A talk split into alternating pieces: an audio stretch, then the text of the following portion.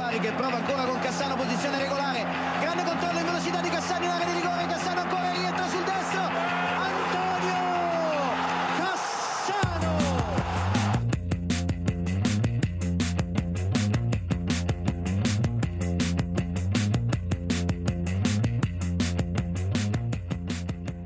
Giocate tranquilli, statevi tranquilli. Já, það er punktur og basta vikunar sem að heilsar. Ég, Árni Þóruður, er á Ítalíu og með mér í dag er Björn Már í Danmörku. Blessaði Björn. Já, blessar.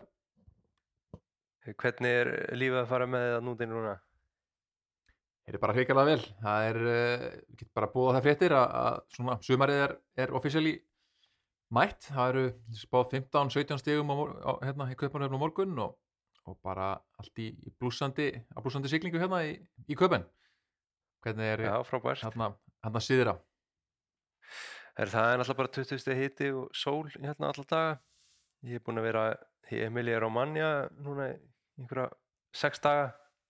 Þannig að það var nú eiginlega ástæðan fyrir að það var ekki þáttur í síðustu viku. Búinn að vera í skólaferðalagi. Í Eh, matar, búin að með. sjálfri?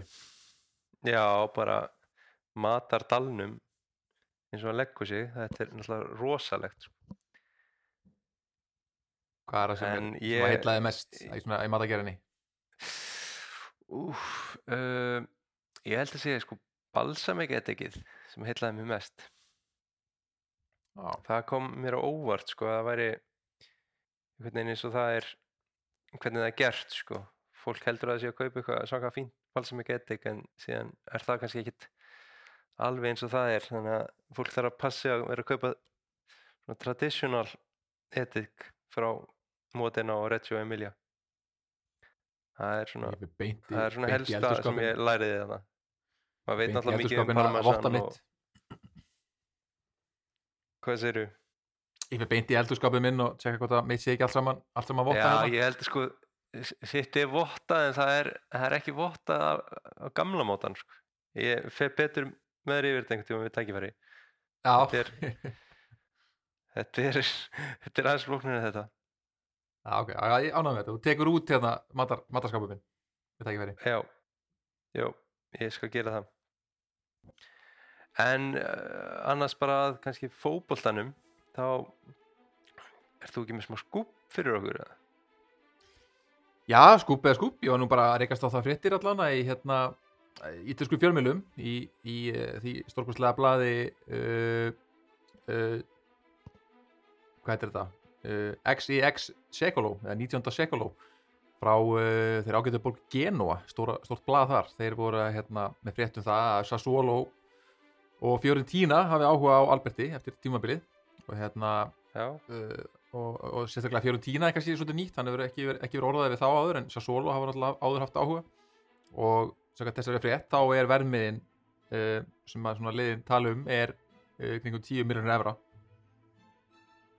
það er alveg seðil fyrir Albert sko. Já, það verður gaman að sjá hvort það, hvað hann gerir í sumar, þeir, þeir unnu hann um helgina og, og er á bara góðri siglingu með þetta lið upp og hérna spurning hvað, hvað framtíðin berið skuðu sér hjá, hjá liðinu, hvort þeir ætla að hafa, halda hann og byggja liðið svolítið sóknarleikinni kringum hann eða, eða hvort þeir ætla að reyna að kassa inn, hvort þessi leikmaður sem þið geta svona kassað inn á og nýtt penningin þá í að dreifa, styrkja liðið kannski á nokkrum öðrum stöðum. Þannig að hérna, það er bara spennandi Já, ég held að 10 miljónir í bókaldið hjá Genova sé alveg fínt fyrir lið sem er einhvern veginn að koma upp í aðdeildina. Já, nú náttúrulega er líka búið að taka af þeim þess að tekjulind sem það var að, að kaupa og selja leikmenn til Juventus sko. Það er einhvern veginn þurfa að bæta, bæta það upp sko. Já, en, en svo er líka Já. bara e, skemmtilegi klúpar, ég menna hvort það verður Sassolo eða eins og maður- við þekkjum náttúrulega öll spila skemmtilega fótbolta eða Fiorentina sem er náttúrulega bara eh, líka svaka siglingu núna, bæði í Evrópu og undanúsliti byggar og eru með annan fótinn hann áfram í, í báðum þessum eh, í báðum þessum byggakeppnum þannig að bara er að gera skemmtilega hluti og svona ákveðin spenna þarna í, í Flórens já, klálega.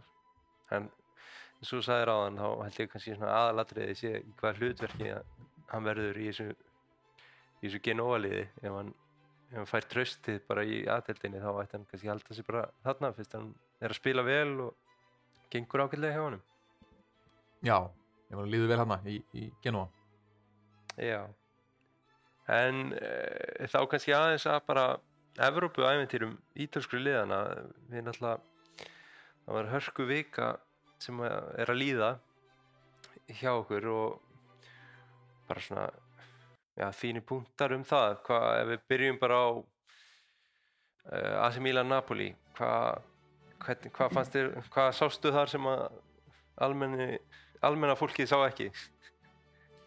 Já, maður sá kannski eh, Napoli er alltaf að byrja leikin af miklum krafti og, og voru náttúrulega til að skora hann alveg uppafi og áttu kannski að, að gera það hver að skilja fikk færið hann og fleiri. En hérna eftir það fannst mér sjá bara munin á því hversu mikla reynslu þessi lið, þessi klúpar hafa í Evrópu.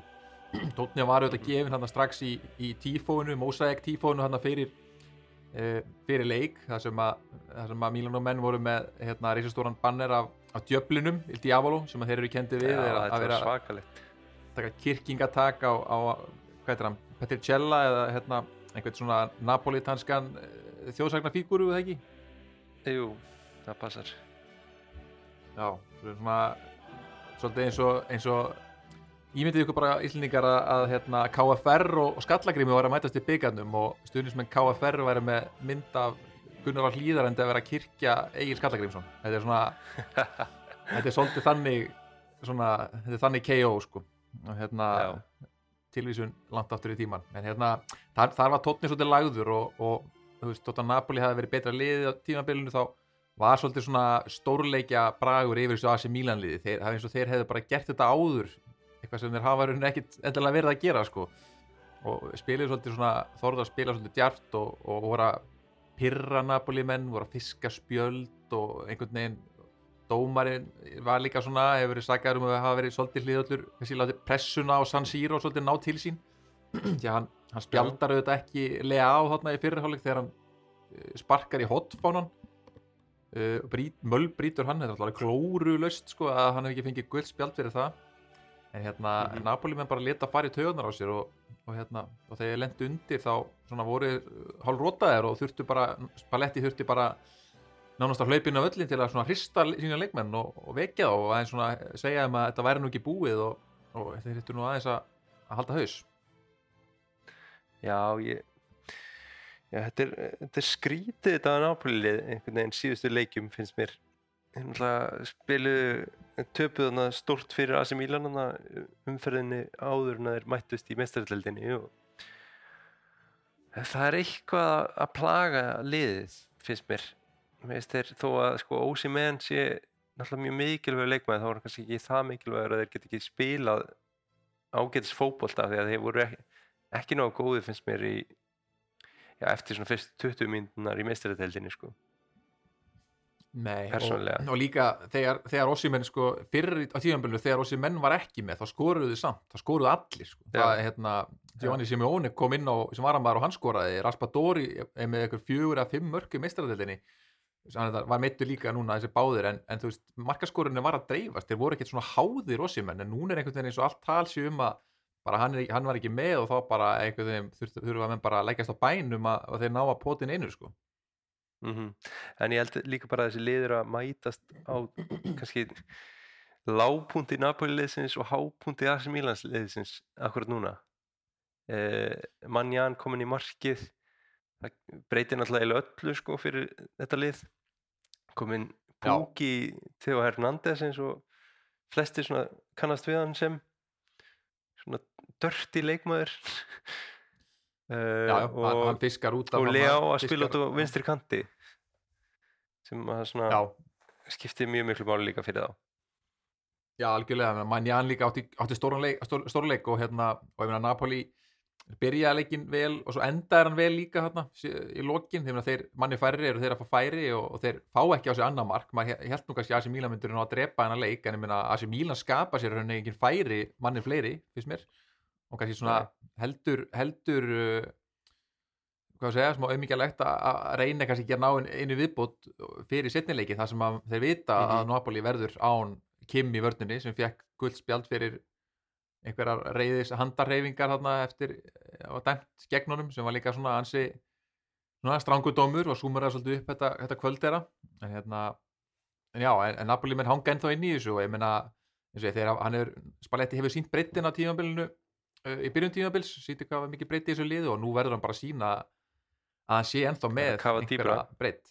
Já, ég meina, þeir missa Angisa og Kim fá inn hins vegar hérna, fá inn Ossimenn og ég veit ekki, er, er þessi normaður Leo Skýri Östugård, er hann sem kemur inn í, í vörnina eða er hún Jésús þarna? Eh, Ég held svona Juan Jesus sé næsti maðurinn. Já, við- ég held að já, Gæði Já, jú, ég held það svo svona líka sko og hérna, og svo á miðjunum náttúrulega eru þeir með rauninni einn svona er, hafa verið að rótera fjórum miðjumönnum í þrjá stöður, þannig að þeir þú veist, það er auðvitað saknaðan gissa, hann er búin að vera frábær en, en þú veist, þetta er ekkit ekkit algjört Já, bílið sem þeir eru að stilla upp sko. Nei, ég, ég held þeir gætu sett Elmas þannig inn á miðuna fyrir enda bóli ég er svona, Angisa hefur ekki verið að heldur að spila eitthvað það vel síðustu svona einn og hálfa mánuð þannig að kannski er það líka bara fínt að hann detta út núna. Ég, eh, ég veit það svo sem ekki. Hann hefur ekkert Já, ég verið eitthvað alveg- besta akkurat núna.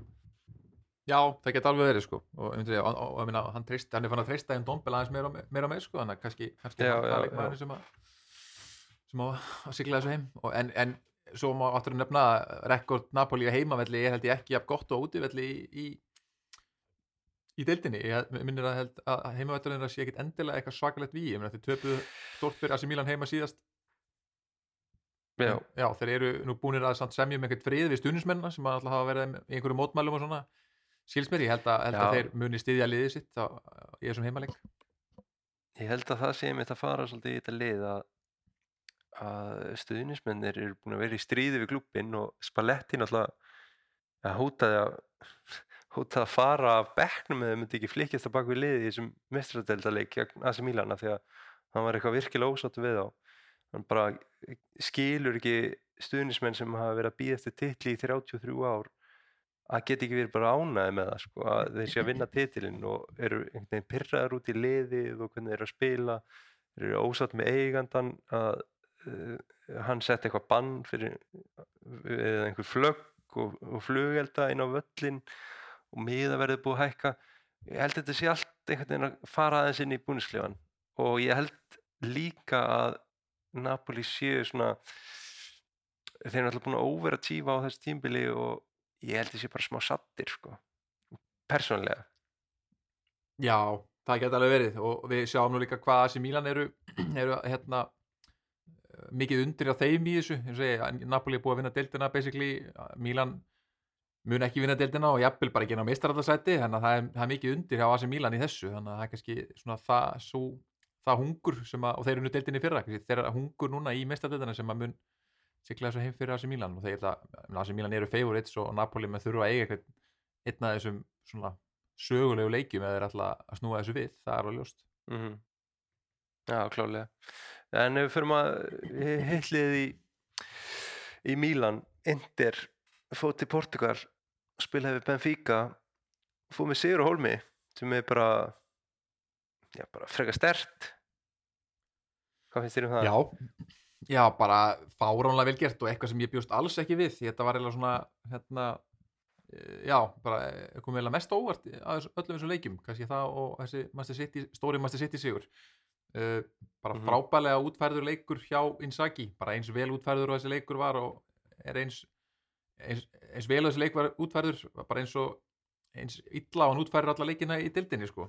Hérna Já, markið sem að Barella skorar er frábært fyrirgjöf að Bastóni og, og skalli hérna fjárstöngin e, svona klókir menn hafa bent á að þetta, þetta markir keimlíkt hérna markið hans, hans eh, Pálo Rossi á háum skallamarkið á móti Brasilíu hérna 1982 Ég sá okkar svona Já. side by side klippu að því það var mjög, mjög líkt fyrirgjöfin og, og skallin og hérna og já, bara mjög flott hjá, hjá Inter og, og samanskapið þar með Onana í markinu sem átti ennitt stórleikin í Evrópu og það bara munar um það.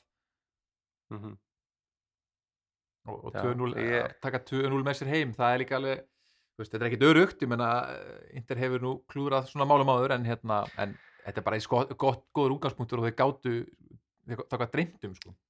Já, ég held að þetta er svona þeirra blöytustu draumar að farið með svona sterkan sigur að útivelli sko. þannig að ég held þeir ættu nú að klára þennan leik á heimavalli einhvern veginn. Bara stuðnismenni mæta, það verður glátt tjús manns á vellinum og það væri ja, það er búið að gefa það nánast út að Inzaghi verður rekin ef hann tapar þeim leik. Því að hann hefur eh, bara ekki staðið sér nógu vel í deildinni er búin að tapa einhverjum hvað er búin að tapa mörgum leikjum á þessu tímbili 11 leikjum í deildinni Já, sex, leikir, sex tapaði leikir á þessu ári bara. Já, þannig að umræðan er þannig að ef hann tapar þá já, þá bara fer Inzaghi og allt í hennu eru þeir líka komni niður í já, þriðja sæti. Við erum að ta- nei, niður í sjötta sæti. Við erum að taka þetta upp þegar að leikur Atalanta og, Fiorentina er í gangi og e, staðan er 1-0 f- fyrir Atalanta og þeir eru komin upp í fymta sæti ef þetta endar þannig og það er náttúrulega ekki nógu gott fyrir Inter að þessu komin niður í sjötta sæti voru lengst af í öðru sæti í deildinni og það hafi bara algjört hrun á þessu ári. Já, en, eh, en að Evrópu deildinni þá spiluðu mínu menn í Juventus gegn uh, Sporting á heimavelli og fóru með 1-0 sigur. Það er Corto Muso eins og þau kallaði hérna út á Ítalíu uh, Allegri, hann elskar að vinna leiki 1-0 það er bara ótrúlegt sko. Corto Muso þýðir sko nefið á hesti eða svona já, Já. svona eh, hestur með stutt nef af því að það er svo tæft hvernig þau vinna á þetta er eitthvað tengingin í Þetta veð- veðhlaupa já veðhlaupa veðlupa hestatir, já, já, einmitt. Dót og hann er mikill veðhlaupa hesta áhuga maður, hann Allegri þannig að þeir kalli þetta kort og mús og þegar Allegri kristir fram sigum með svona minnsta mun. Síðan hann kom aftur var hún- held ég Já, var framistæðan góð í þessu leik eða hvernig, var, hvernig spilaði þessu leikur? Nei, ekkert, þetta var ekkert rosalega samfærandi þetta er náttúrulega Sjestni fekk þarna já, eh, já fyrir hjarta bókstælega uh, náði ekki andanum þarna fyrir það skipta honum út af. Þetta var bara algjört júventuslið á þessu tímbili spiluðu bara ekki nógu góðan fótbolta en krista fram sigur. Það er, þetta, það er eiginlega bara það sem sumur þetta upp og þeir hefði getað mista niður. Mattia Perín varði frábælega en þeir tvö skipti á 91. mínútu eða eitthvað þetta var ekki samfærandi en, en einhvað síður sigur sem bara Já, allir lægi þannig séð sko. Já, já, það ekki að byrja örugglega upp á jafntefli úti Já,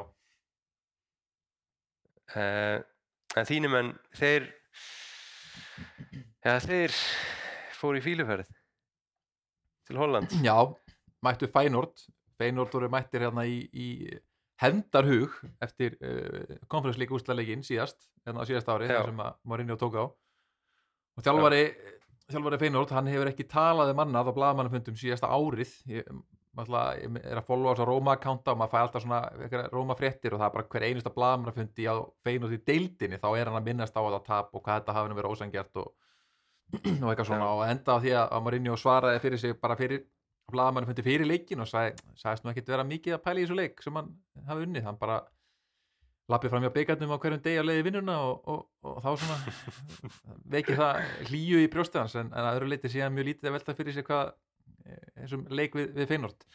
En það var svona smá hitti fyrir leik og hérna svona eins og Feyenoordstunismenn ekki, ekki sátti með þessu umali Mourinhos.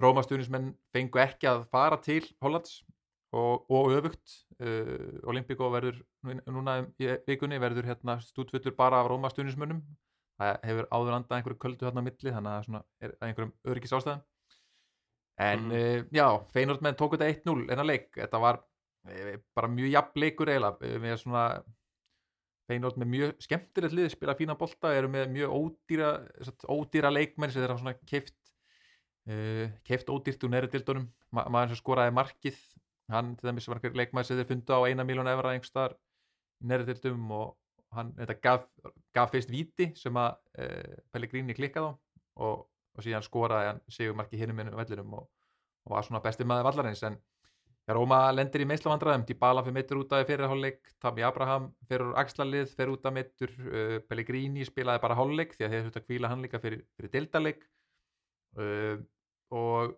já, þetta var bara algjört grín sko þessi meisli þannig að þetta var, það var kannski til mikið sætlast að ætla að vinna þetta með án sína þryggja bestu í sóknamanna en, en það er setnileikurinn eftir og, og það að vera bara 1-0 undir og, og geta síðan mætt heim í, í faðum stuðnismanna sinna og, og klára þetta þar. Ég, ég, svona, býst við að, Róma taki þetta og, menn eru svona nokkuð vonguður um að Dybala verði með í setnileiknum það er, er óvíst en, en svona menn er að vona það.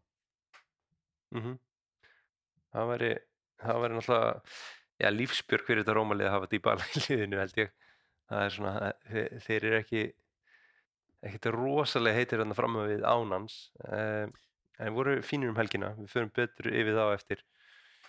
Uh, síðan var það Fiorentína ef við kannski rennum aðeins yfir þann leik í, í Conference League sambandstildinni þá fóruð þið til Pólunds spiluðu gegn Lech Poznan Íslendika vinunum uh, tóku þann leik fjögur eitt bara virkilega samfærandi og Fiorentína liði er náttúrulega búið að spila hvað besta fókbóltan á þessu, tím, uh, þessu ári af ítölsku liðum. Þeir eru bara búin að vera á flugi.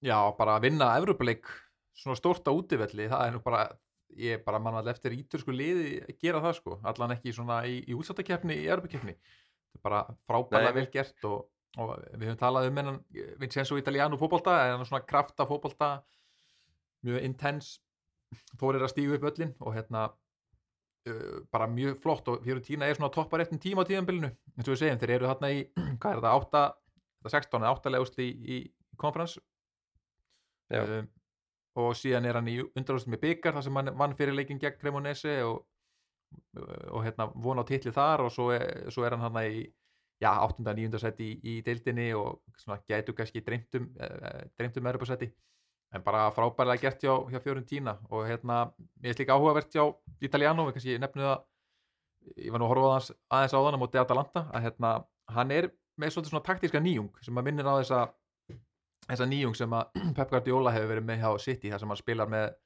spilaði með John Stones inn á miðjunni svona hann stígur upp inn á miðjuna í, í sóknar uppbyggingunni og þetta er eitthvað sem að Italiano hefur verið að gera núna á síðustu mánuðum það er bara, í, þegar í uppspilinu hjá þeim þá bara annar hafsendin þeir bara plassera sig bara á miðjunni og er bara auka auka miðjumæður, við sáum á hann að Milenkovic hérna, Nikola Milenkovic fór mikið upp á hann, Ígor hefur líka verið að spila bara stóra kabla á leiknum sem djúpu miðjumæður þannig að þetta er svona Mhm. taktísk hérna, breyting þar sem hann hann verið bara næja að vera með þrjá í eftirstu línu í uppbyggingunni að spila á milli sín og svo með markmanni líka og hérna færa þá frekar hafsend, nei, hafsend bara alveg upp sem miðjumann. Það er uh, áhugart að sjá og, og gaman að sjá, sjá þessa breytingu svona þessa, tilraun uh, tilraunstar sem er víðar. Já, þetta verður gaman að sjá hvort að fleiri stjóra fylgja á eftir í þessu og, og líka bara hvort að lið, bara önnur lið á Ítalíu fara ekki að líta til hann sko, einhvern veginn eftir þetta tímbil ég- það er bara hlýtur að vera. Já, það ég sé bara ekki fyrir mér að hann, hann verði þarna áfram. Ég held að það sem er satt pínu svona já, hann verður sennilega ekki áfram með á Fiorentína og svo má þetta nefna það, ég held að Fiorentína er að byggja nýja völl og ég held að þeir verði það er talað um það núna fréttum að þeir verði í tvö ár ekki á sínum eigin heimavelli og þeir eru svona að reyna að komast uh, leia völl af öðrum liðum og hérna liðin í kring eru svona mis áhuga sömum að fá þau í heimsókn.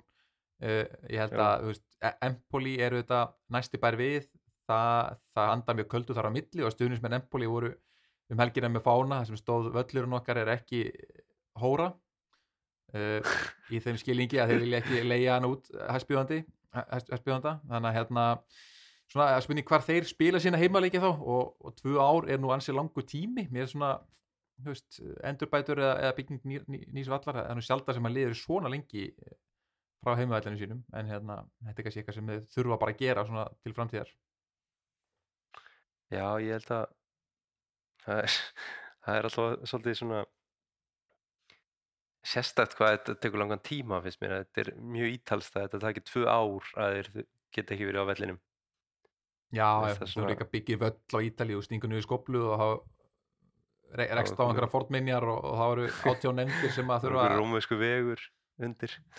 Já, já, ekki spurning sko.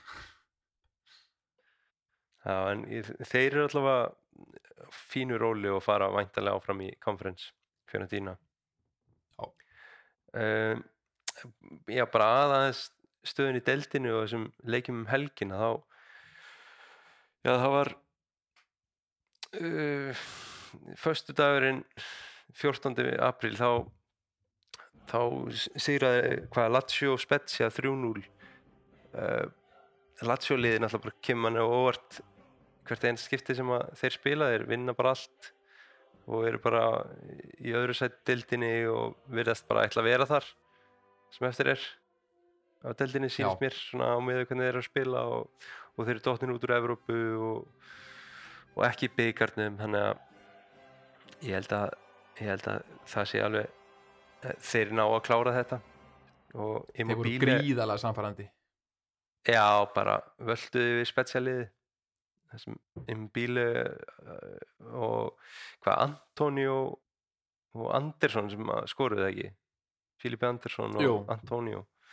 Jú, minni það. Uh, en síðan lendi um á bíli í bílsli sem helgina. Kerði í veg fyrir tramma skilst mér. Og verður eitthvað frá. Held að sem er brotið rifbein og eitthvað laskaður eftir þann árakstur eðlilega. Já, bíli leit illa út hann var hann að gera með fjölskyldunum sína og, og, og mitt eitthvað börnars flutt þarna með hálskræða í burtu en, en svona betur fór en á horðist uh, menn og hérna bara er á hann, Já, er ég- nýkomin aftur eftir löng meisli þannig að þetta er leiðilegt að hann endi þessu. Já, en Lazio liði bara svona um mitt, það kannski ja, kemur manni smá óvart að þessi öðru sæti í deildinni sko, með hvað þessu mörg sterk lið eru hann að keppa við á þannig að bara virkilega vel gert. Liðin náttúrulega Eh. eru aðalega að keppa í því að mistiga sig þessa dagana, það er nú bara, það er nú bara hannig Já, einmitt. það er alveg svakalegt sko. við förum kannski bara til Bologna þar sem að ja, það sem Milan fór í heimsókn og Sansone skoraði eftir einhverja hversu marga sekundur var það? Það var, var nánast eitthvað met sko. það var bara 40 sekundur eða eitthvað. Þannig að fyrsta markið í leiknum Já, þannig að já voru bara Þetta er bara típist AC Milan Evrópu lið að bara hætta að hugsa um deildina. Já, hversu er dýrt bara verður þetta ef þú komast ekki í mestradeildina svona, svona þunnur hópur eða svona þeir get ekki róterað og, og menn vilja nú að hérna, endurvekja gömlu góðu velunin guldnu ruslafötuna sem að var nú gefin þeim tíma til að láta Charles D. Kettilari fá hana fyrir, Já, fyrir hans eðlilega. framistöður já, og hérna Nei, bara, og svo mæta leiðilegu tími samt líka mæta þessu fljúandi Bologna-lið sem að einmitt er ekkit í Europikeppni en í þannig en er bara hefur verið að vinna hvert stórlið að fætur öðru, er unnu Atalanta í síðustu umfyrir 2-0 á útivelli og, og einhvern veginn bara Mhm. þú veist, fyrir Mílan að mæta, mæta svona liði, svona high-flying liði akkurat núna var ekki alveg ekki það sem þeir höfðu í huga, ekki besta hérna, uppbytunin fyrir, fyrir næsta Európa-leik en hérna bara frábært enn og aftur, stórkoslegt hjá, hjá Bologna og bara hann einmitt Diego Motta, hann er þjálfari sem að, sem að mun líklegast ekki, ekki taka annað tímabil með, með, með sitt lið. Nei, klálega ekki og En- við sáum bara svaka breytingar á þessu AC Milan liði líka. Uh, Pogbeka var á miðjunni De Ketelare í, í hólunni og Ríki frammi, Repits á vinstri kantinum Ballo í vinstri bakverði og þessi Aster þarna, Belgin, ég veit ekki hvernig ég á að bera fram nafnið hans. Franix eða eitthvað.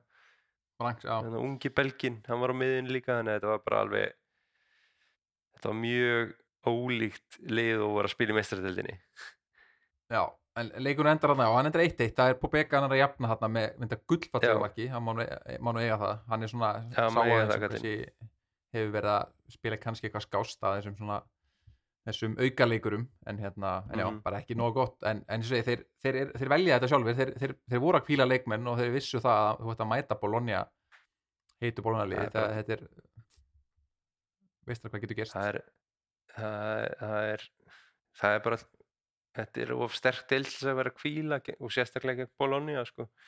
þeir eru ekki að mæta Cremonese sko.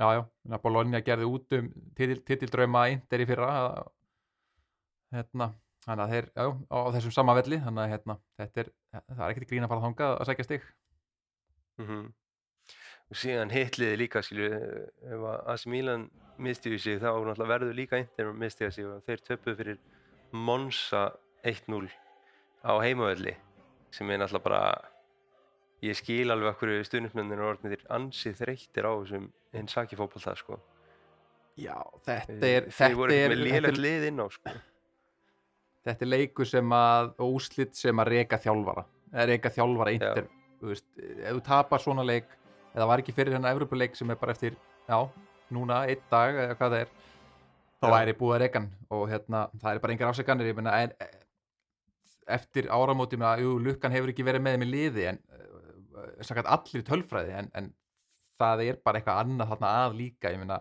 þeir satt, þeir voru með XG upp á hvað, yfir 2 Monsa með XG upp á 0,7 samt um eitt skora Monsa eitt markarni upp á þetta tíma og það er auðvitað Luka Caldirola varnamæðurinn sem er uppalinn hjá Inter en fekk held ég þetta er eiginlega enga leiki fyrir það, fekk aldrei tækifærið og, og eh, mætti núna með, með nýjum vinn uh, og, skora sigumarkið upp á tíma og ekki bara það heldur í fyrirleiknum sem að þessar liða sem að fór þetta í jafntefli þá átti hann líka assistið í hvort það var bara í upp á tíma eða eitthvað.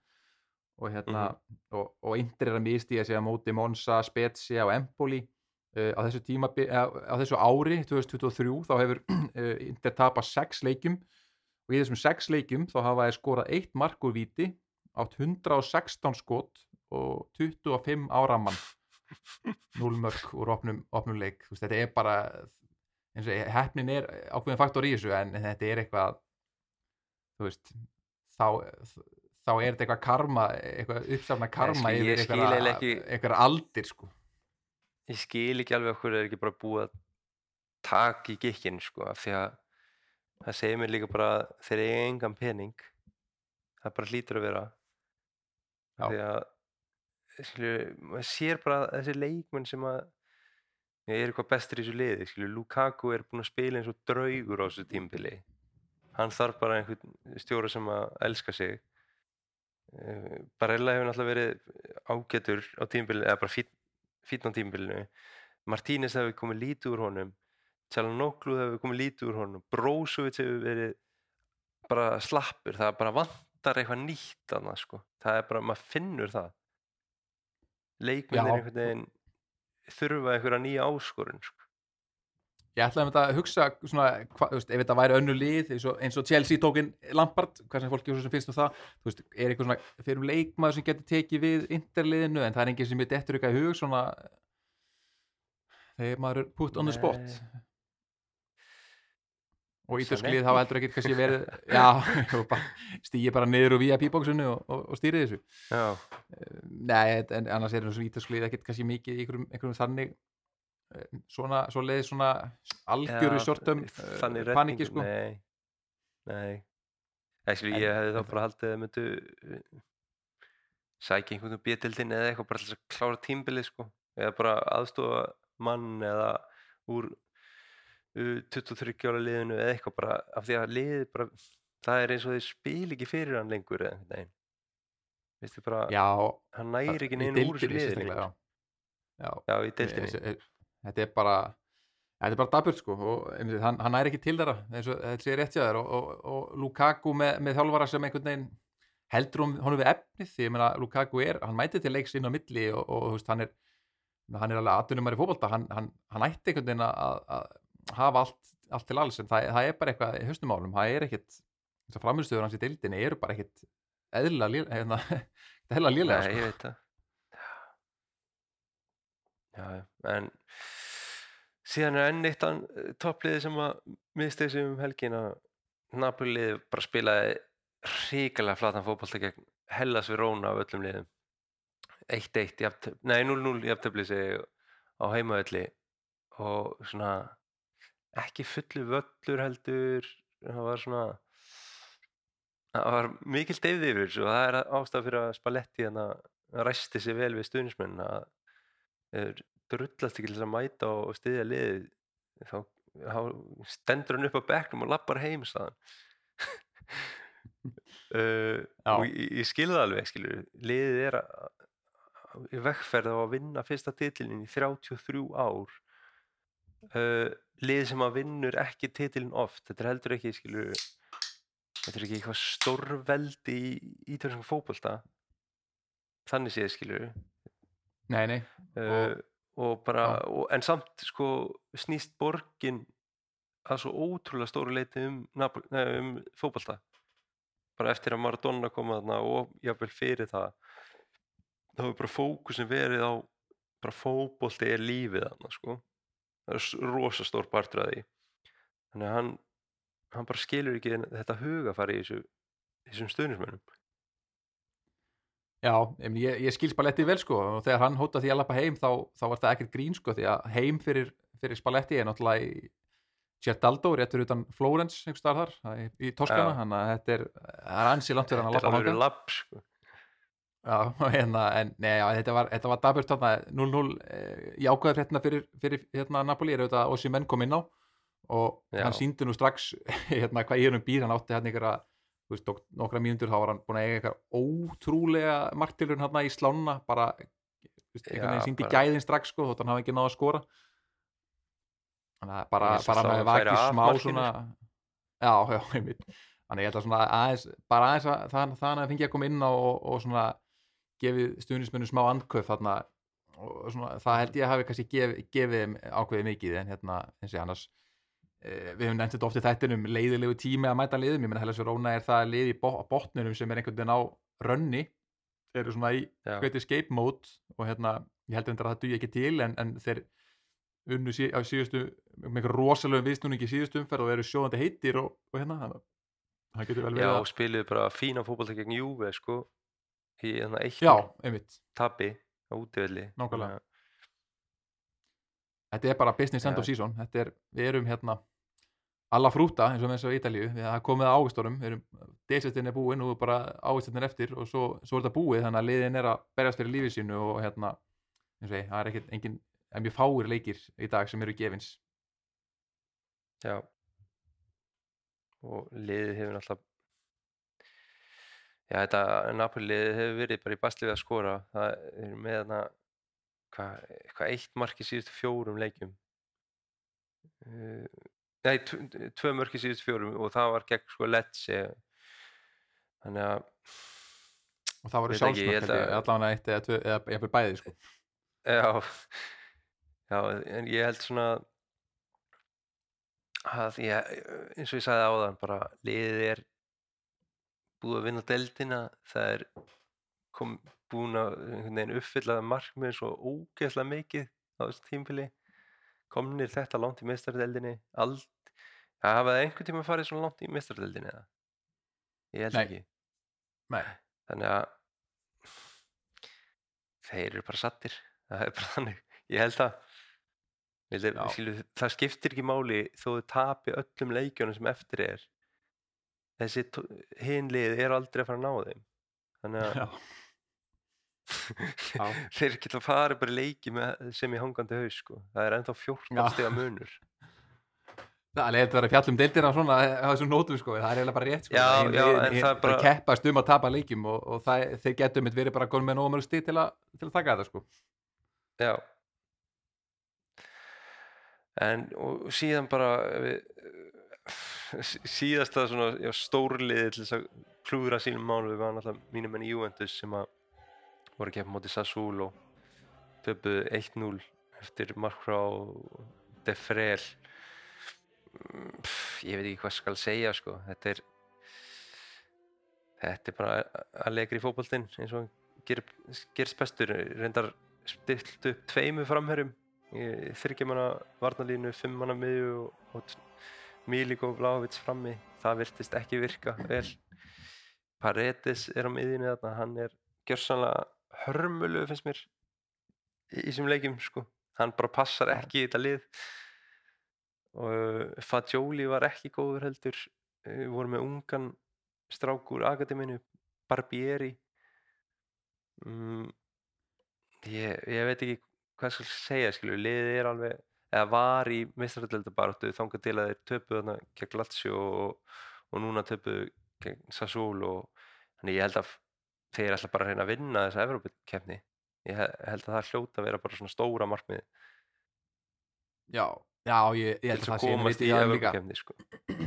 Það er að klára þetta á jákvæðum nótum einhvern veginn, taka titil með frá þessu tíðanvili Ég, ég Já, sá um leik komast í meistaradeldina Já, einmitt, ég, reyndar, já, bara talaðu um það, ég, ég sá einmitt ykkur að frétt sko, ef, ef allt myndi fara á besta veg eins og við segjum hérna í þessum þætti Ítalsklið myndi Já. vinna allar erbykefninar og, og, og allt svoleiðis, þá náttúrulega er staðan þannig að það komast færri lið aðein vilja í mistaradeldina, því það er náttúrulega mega bara vera hvað fimm, fimm lið frá hva, hverju landi. Og þannig að hérna já, ef að hvað ríkjandi meistari fær, fær automatic sæti eða ekki og ef að Napoli myndi vinna hana og svo hérna liðið sér vinnu að Europa League Asi myndi vinna meistaradeldina já, ef Asi kemst ekki í skilu meistaradeldasæti og vinnur meistaradeldina segjum Já. það bara eða Inter. Já, sko hverjir missa sæti þá? Já sko, þá, þá, held, þá skilst mér að sé þannig að fjórðasæti í dildinni missi þá sæti sitt nema það sé náttúrulega liðið sem vinnur þá Europa League skilur þannig að eh, það er hérna það er það, þar, þar hérna þar fækka sætunum, þannig að það gæti verið að fjórðasæti í dildinni dugi ekki til þess að komast í meistarliðina en það, það er, þetta er mjög mörg ef en hérna, en ég, bara sá þessu slegið upp um daginn af því að það er ekki þótt sem Ítali er í þessari stöðu að svona mörg lið eru komin áfram eh, en hérna, en þetta er svona áhugaverð, það væri alltaf það væri alltaf ótrúlega svekkjandi að vera Ítals lið í fjóraðsæti í meistadöldinni hérna fjóraðsæti í deildinni og, og komast ekki í meistadöldina, það væri já, það, það ég veit væri ekki vilja halda með því það það er einhver rómafnikur yfir því sko. Að endi fjórðasæti og komast ekki í meistaradeldina það er það nefnilega sko. stóri draumurinn. Já, en ég- já, ég, eins og ég, ætla, ég horfði á hérna þennan Júventusleik líka og, og þeir voru ekkit eðlilega slagir og, og Vlahovic er náttúrulega líka bara skugginn á sjálfur sér. Hann er bara hann, Hann hann bara þarf bara brotinn. Hann þarf bara sumafrí að halda sko. Þeir eiga bara að senda hann í sumafrí núna og bara herðu annarkot selja hann í sumar eða bara annarkot mæt, ekki það, það að þú bara mætir hérna í haust nýr maður sko og bara nærður í smá tann og, og slakar aðeins á og, og svo byrjum upp á nýtt sko því að hann er búin að einhvern veginn, hann getur ekkert sko og hérna og mér veist, þetta varnalínan líka hræðileg gegn Sassolo ég, ég, það var Sassolo áttu því líka sóknir sko og ef mann eftir einhverjum kabla hérna, svona tíu mynda kabla í, í leiknum þar sem að Sassolo hefði getað skorað svona áttamörk og bjarga á línu tvisvar í sömu sókninni líka við. Þetta var bara alveg sko, bara eiginlega verðskuldaðu sigur hjá Sassolo og hérna, ótrúlegt að þeir það er líð sem hefur ekkert að keppa fyrir sko að, að, að Nei. ég held svona að Júi myndi bara uh, valta yfir þá en, en þeir mættu heldur betur til leiksmæður Varstu hrifin af Barbieri eða í bakverðinum? Nei, það var ég ekki. Það varstu ekki. En, Nei, uh, það- nei, s- en, en Fagioli hérna líka, hann uh, ungi hann meiðist líka, hann fer eitthvað út af og var hérna hágrátum undan bekknum, hann að vantarlega einhver, einhver alvarlega meðslið ekki? Mm, Ég hef svo sem ekki séð það sko. Ég veit ekki ma- Ég hef ekki séð neitt um það sko. Já, ok, Ég kannski, kannski- kannski var þetta eitthvað- meðslið, kannski var hann bara tilfinningar Kannski mikið bara grátandi við framviðstöðinni Já, það er, tílefni væri nú til, hann að hérna vil, vil, Ég hef allavega ekki séð það Það hefur allavega ekki borist í Modena þar sem ég gisti í gær sko það er spurning hvort að fréttina séu lengur að berast þangað en, en já, þetta er bara þetta er bara enn eitt stórlið að klúðra málunum einhvern veginn gegn liðum sem hafa engu að keppum. Já. Eh, og það verða það verða einhverja breytingar sumar það er bara, það er gefið. Ég held Já. að Vlahovits fari. Ég held að verði seldur. Þess að kassin Já, ég held það líka. Mm, en ég, ég veit ekki ég á náttúrulega búning með nafninu hans. Ég veit ekki hvað ég geri. Hún var að henda því á hverju brennu nei, ég sé Þú voru, þú voru fljótur að stökkva þá þann búning, hvenær fyrstu þér hann? ég kefti hann sko, ég er með Vlahovic 7 aftan á sko ég kefti hann á síðastimbili í mæ á Já, já. Já, ok ég, ég skil Já, þið sko, já. ég, ég, ég er sérfræðingur að kaupa treyjur með leikmunum sem eru seldir stuttu eftir Já, og það er líka svona ekstra, ekstra gott að vera með númer, sko, hann er númer níu náttúrulega núna. já, Gamla númerið, það er alltaf eh, held sexy, sko. já, já sko Róma treyjur með, gamla númerinu. með já, Róma treyjur með Aquilani tímabilið en hann fór til Liverpool uh, Miralem Pjanic en hann fór til Juventus og svo fór í uh, Nicolò Zaniolo áður en hann uh, fór til Galatasaray þar sem hann er virðist vera að byrja Heyrðu, skora núna hann að, Já, hann er farin að negla þeim núna í Tyrklandi, sko. Ég held að, já, á, á marki líka það, það var nú eitthvað sem var ekkert mikið að á Róma undir, undir já, lokin. ég held að Juventus kaupa hann í sumar. Ég svona, hef sterka tilfinningu fyrir því. Já, ég er svona ég, ég get alveg verið sko, hann get alveg passað inn en ég er samt svona ég þú sætti kannski að reyna að fara í eitthvað svolítið örug örugar leikmenn, eh, kannski ekki vera gamla sérstaklega mikið í leikmannaköpum þannig að ég veit ekki alveg hvort, hversu sniðið það væri en En, eh, ég, ég held það. já, En, en uh, svona að hinum leikjunum þá, já, nei, ég, ég gleymi alltaf Róma leikjum. Það var náttúrulega, það var hátíð bæ hjá þér. Heldur betur ég var mjög stressaði fyrir þessu leik það var að Róma fekk út í nesi í heimsókn hana sundarskvöldi en hérna Mhm. svona búki í lið undanfærin ár eða undanfærna, já, að síðustu 2-3 leiki þá var það verið í miklu basli með út í nesu og töpuðu fyrir þeim hérna e, í fyrirleiknum, tíðanbylnu en, e, og voru núna án Dybala og og svo- já, svona halv vangbrotnir uh, Tami Abraham byrjaði á bekknum Belotti byrjaði på topp þannig að maður vissi að, að framherjinn var ekki að fara að skora uh, nei, nei. en þetta var bara mjög fín framistæð hjá Róma fannst mér bara einhvern veginn, liðið bara barðist vel og, og voru með unga strákin hann Eduardo Bove á, á miðjunni Mhm. við hliðin á Kristante hann er eins og Mourinho lýsir honum hann er algjör hundur bara er eins og hundur utan í, utan í öllum á miðjunni og, og press, að pressa menn og, og þetta er mjög fína leik að mestu leiti og hérna já, voru bara fínir og eru náttúrulega betra liðin út í nesi og bara svona náða að sína það þeir uh, fá víti hérna í fyrirháleik og Pellegrini náttúrulega klúraði vítinu gegn Feyenoord að og, og hérna uh, var tekin af vítaspjötnu vaktinni og Kristante Já. fe- var látið taka þetta víti og hann klúraði en Eduardo Bove náði þarna frákasturinu og, og skoraði á því þannig að komist yfir og svo, svo hérna komist, komist yfir í 2-0 með marki frá Pellegrini og en þá fekk út í nesi vítaspjötnu og þá held ég svona að þetta væri alltaf komið bakið á okkur og þetta verið svona klassist missa leikin niður en, en uh, Rúi Patricio hann, hann varði vítið og, og svona Róma að bæta þeim marki hérna í, í uppbót á tíma hann að bara að endanum flottu sigur en, en það þurfti að hafa fyrir þessu og þetta var svona bara mjög góð liðs framistað að fannst mér. Svona eins og segi, ándi bala engar Já, glóriur bara bara, sterkur vinsla Öll hinliðinu að klikka og, og klára þetta bara. Já, meni, það var að bjóða á Róma bara upp í dans í með þetta meistaraldarsæti ég held að við væri búin að henda frá okkur fyrir löngu síðan og hérna, Já, það væri nú bara okkur þessi að að hafna, hafna slíkum dansi. Þannig að hérna, já, bara mjög ánægði með þetta og, og eins og svo ef að Dybala bara mætir í mér í viku og, klárar, klárar feinur þá, þá svona, eh, endar þetta á, á, á háinútonum fyrir, fyrir Róma held ég. Já, ég... Hvað, hvaða breytingu sér það á þessu rómaliði í sumar? Er eitthvað, leikmenn sem er, skilur, Belotti hlýtur að fara, sko. það bara hlýtur að vera. Hann getur ekki skorið til að berga lífið sinu. Já, við, eins og við höfum nú rætt á öðru hérna, okkar að milli, við Belotti bara ég, ég, held- ég sé ekki fyrir mér að hann sé að skora mörgum svona æfingum, hann bara, hann er svo langt frá því að geta labba fram hjá einum einasta manni eða hitt einhvern veginn á markið en hann er djöblast Mhm. og, og mikið vinsla í honum og maður inni og ránaði með það. Hann, hann vill, bæði, þegar hann hann spilar eða, Tammy, hann vill bara strækja sem er að djöblast og, og búið til pláss og, og hleypur allan leikinn. Uh, en jú, jú, Belotti ég held að hann fari mennir, þetta er að, síst aðalega um að halda Dybala og menn er að reyna sem með við hann aftur og, og fjalla í þessa klásulu. Hann er með hérna, þessa- einhverja klásulu um að hann með fara til liða Erlendis uh, fyrir, uh, fyrir mjög fátaglegan skilding þannig að uh, Já. það er svona markmið nummer 1 og 3 og að halda Chris Smalling hann, það gengur vist ágætlega að það er viðraðir þannig að það verðist sem að hann vera áfram. Og Mourinho jafnvel Ég- líka þannig að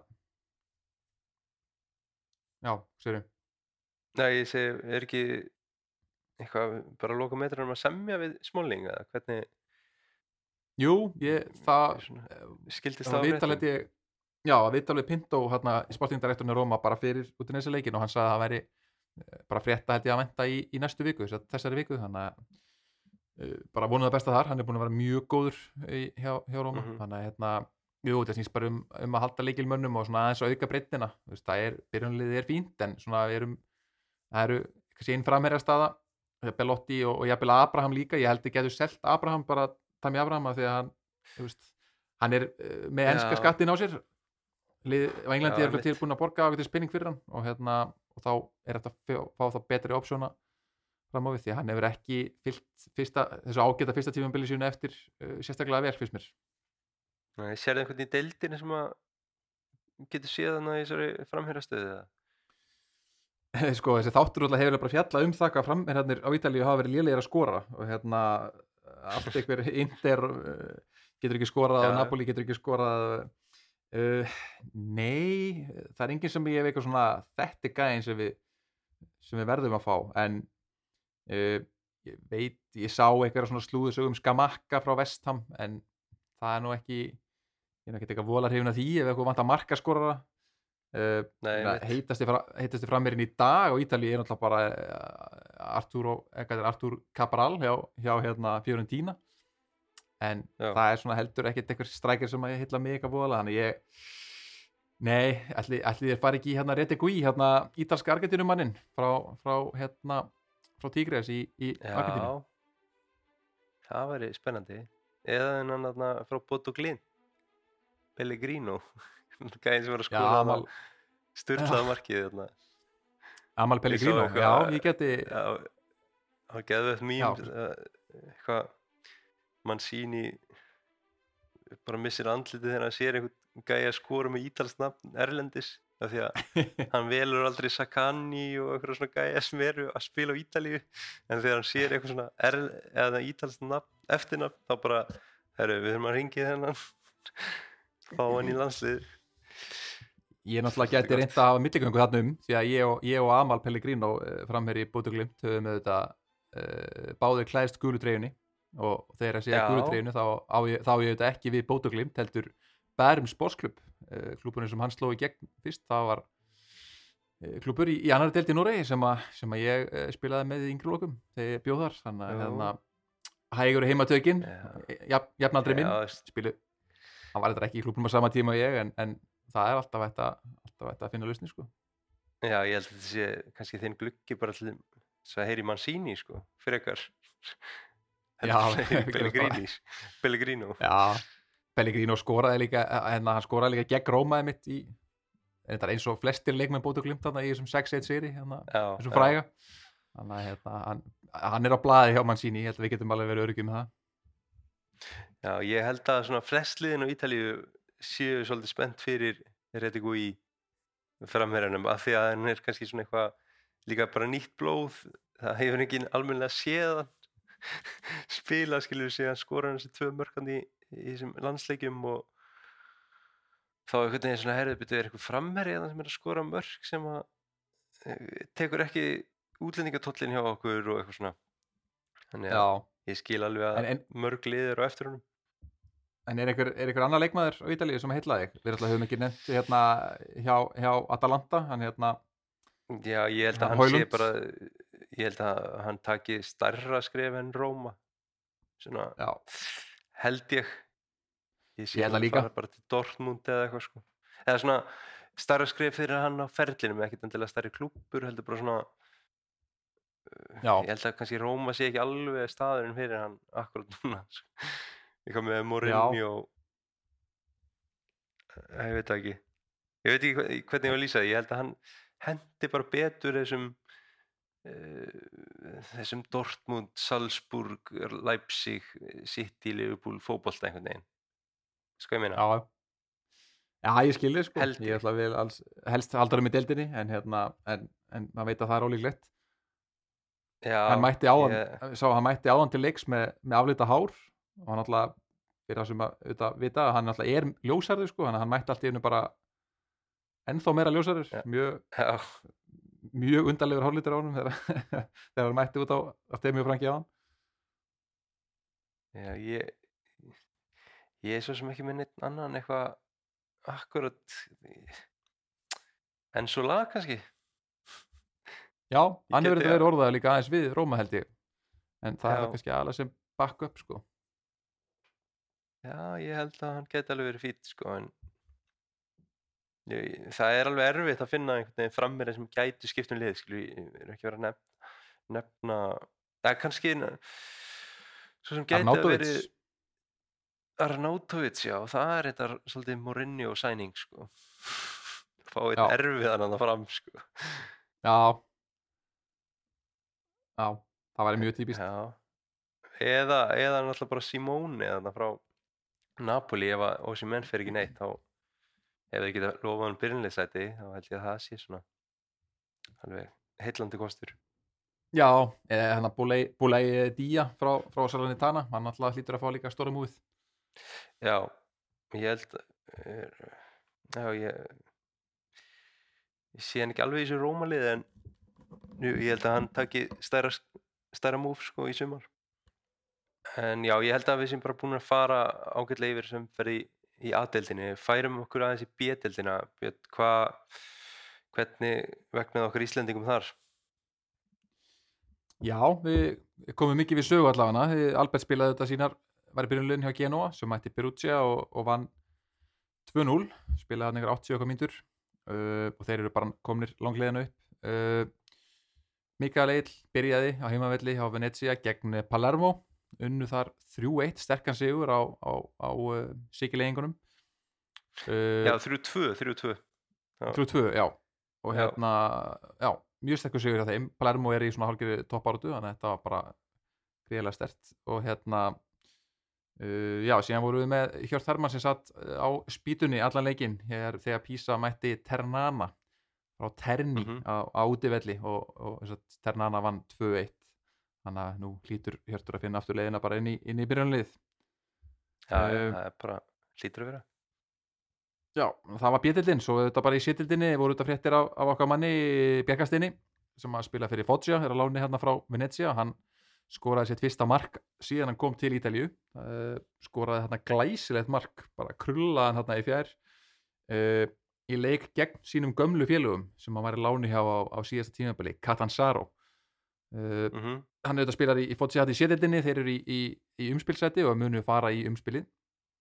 Og voru að mæta Catanzaro sem að er topplið og er komið upp bara með, með bara settu stiga með og, og rulluð yfir þess að deilt og hérna, hann að fótt sér að tapa hérna 2-1 í, í jöfnum leik. Mhm. hann að hérna bara lofa góðu fyrir, fyrir framhaldið og vonandi að hann fái að, að spila í þessu, þessari hérna, þessu umspili sem að, sem að kemur liðum upp úr, upp úr sétild upp í B Já, það er bara það væri, það væri gaman. Og bara, já, þetta var flott mark hjá honum. Getið séð þetta á Twitterinu með hans Björns. Uh, hvenna boltana þá þarna áttu mína konur í Juventus ótrúlega endurkomur gegn Fiorentina í þessum hatrama slag á milli Toskana og, og Piemont það sem að Fiorentina var komið í 3-0 og það var ekki fyrir á 40 og 50 eða 70 70 myndu sem að að Juventus minka munir og vinnur á endanum 4-3 og, og Sara spilaði allan leikinn. Þannig að þetta hefur verið svona eh, súrsætt held ég fyrir lið einhvern veginn, það er náttúrulega mjög sætt að koma tilbaka en líka að lenda 3-0 undir á heimaðalli er náttúrulega ekki nógu gott. Uh, Þetta er, það sem að kalla leik, leik tveggja hálfleika? Já, já, algjörlega sko.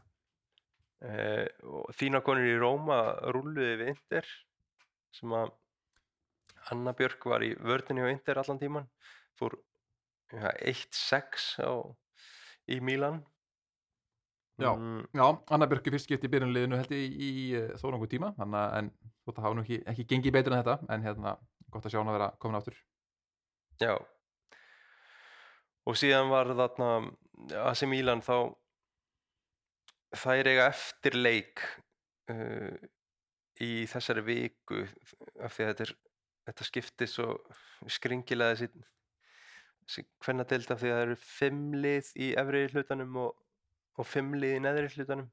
Þannig að það er eitt lið sem situr alltaf eftir. Uh, en Margrét Átnadóttir spilaði ekki neitt um- fyrir Parma eða hún var satt á bekknum. Já, mm, já það er þá kannski bara fókusum við aðeins á um, þessa meistaradeildaleiki og, og Evropadeildaleiki ef þú- kannski spáir aðeins í spilin bara hvernig heldur að Napoli AC Milan endi? Ég ætla að segja hann endi 1-1 og AC Milan fer áfram. Já, ok það er, það er ákveð spá. Ég held að AC Milan vinni 2-0 og þeir fara augljóslega áfram. Uh, en Inter og Benfica? Herðu, þar þar verður smá sker sko. Ég held samt að Inter takið þetta 2-1 alveg um mm en, en, að uh, en Benfica kemst í eitt- skori snemma eða? Já, já ko- eh, skora, já Nei, þið skora þarna fyrsta marki, ég veit ekki hvenær það verður en svo, svo munuðu Já. þurfa endar um hendu öllu fram og, og Lukaku skokkar inn hann einhver eh, tvö mörg undir lókin Já, ég elska það. Uh, Sporting Juventus? Sko, það, ef það var, ef ef þeir eru unnið 1-0 útivelli þá hefði ég alveg spóðið máfram en að vinna bara 1-0 þarna heimavelli með herkjum ég, ég er að spáði bara eh, 2-1 fyrir Sporting og framlíkingu og Vító. Segja Já. að, að eh, vil að segja Sporting fara áfram í Vító? Jæja, ok, áhugavert. Uh, Þínu menn í Róma gegn Fiorentina? Nei gegn uh, Nei, gegn Feyenoord Herru, ég, ég segi sko, Róma tekur þetta, það er spurning hvernig? Ég segi ég ætla að segja bara 2-0 lámars effort, minimal effort ekkert meir en Já. þarf, bara Dybala metir og, og, og Köllarinn 1-2 og, og, Ok. fer, og fer út af búin, búin með sitt dagsverk Já, ég, mér líst vel á það uh, og Fiorentina leggpásnan Eh, það er bara 3-0 fyrir tína bara, þeir, þeir munu ekkert, stíga af bensingjöfunni klára hann uh, Nei. og heldur ekkert eitthvað verja, verja fengi hlut, bara vallt yfir þetta leikbósnalið Já, mér líst vel á það. Já, bara Já, við heyrumst vantilega í í næstu viku eftir umferðina og, og gerum aðeins upp þetta, þessi Evrópuleiki sem að já, verða mjög spennandi að fylgjast með held ég um helgina. Nei, í vikunni. Algjörlega, algjörlega. Mm. Ég þakka bara fyrir og við heyrumst. Já, takk svo leis, þessar Takk, takk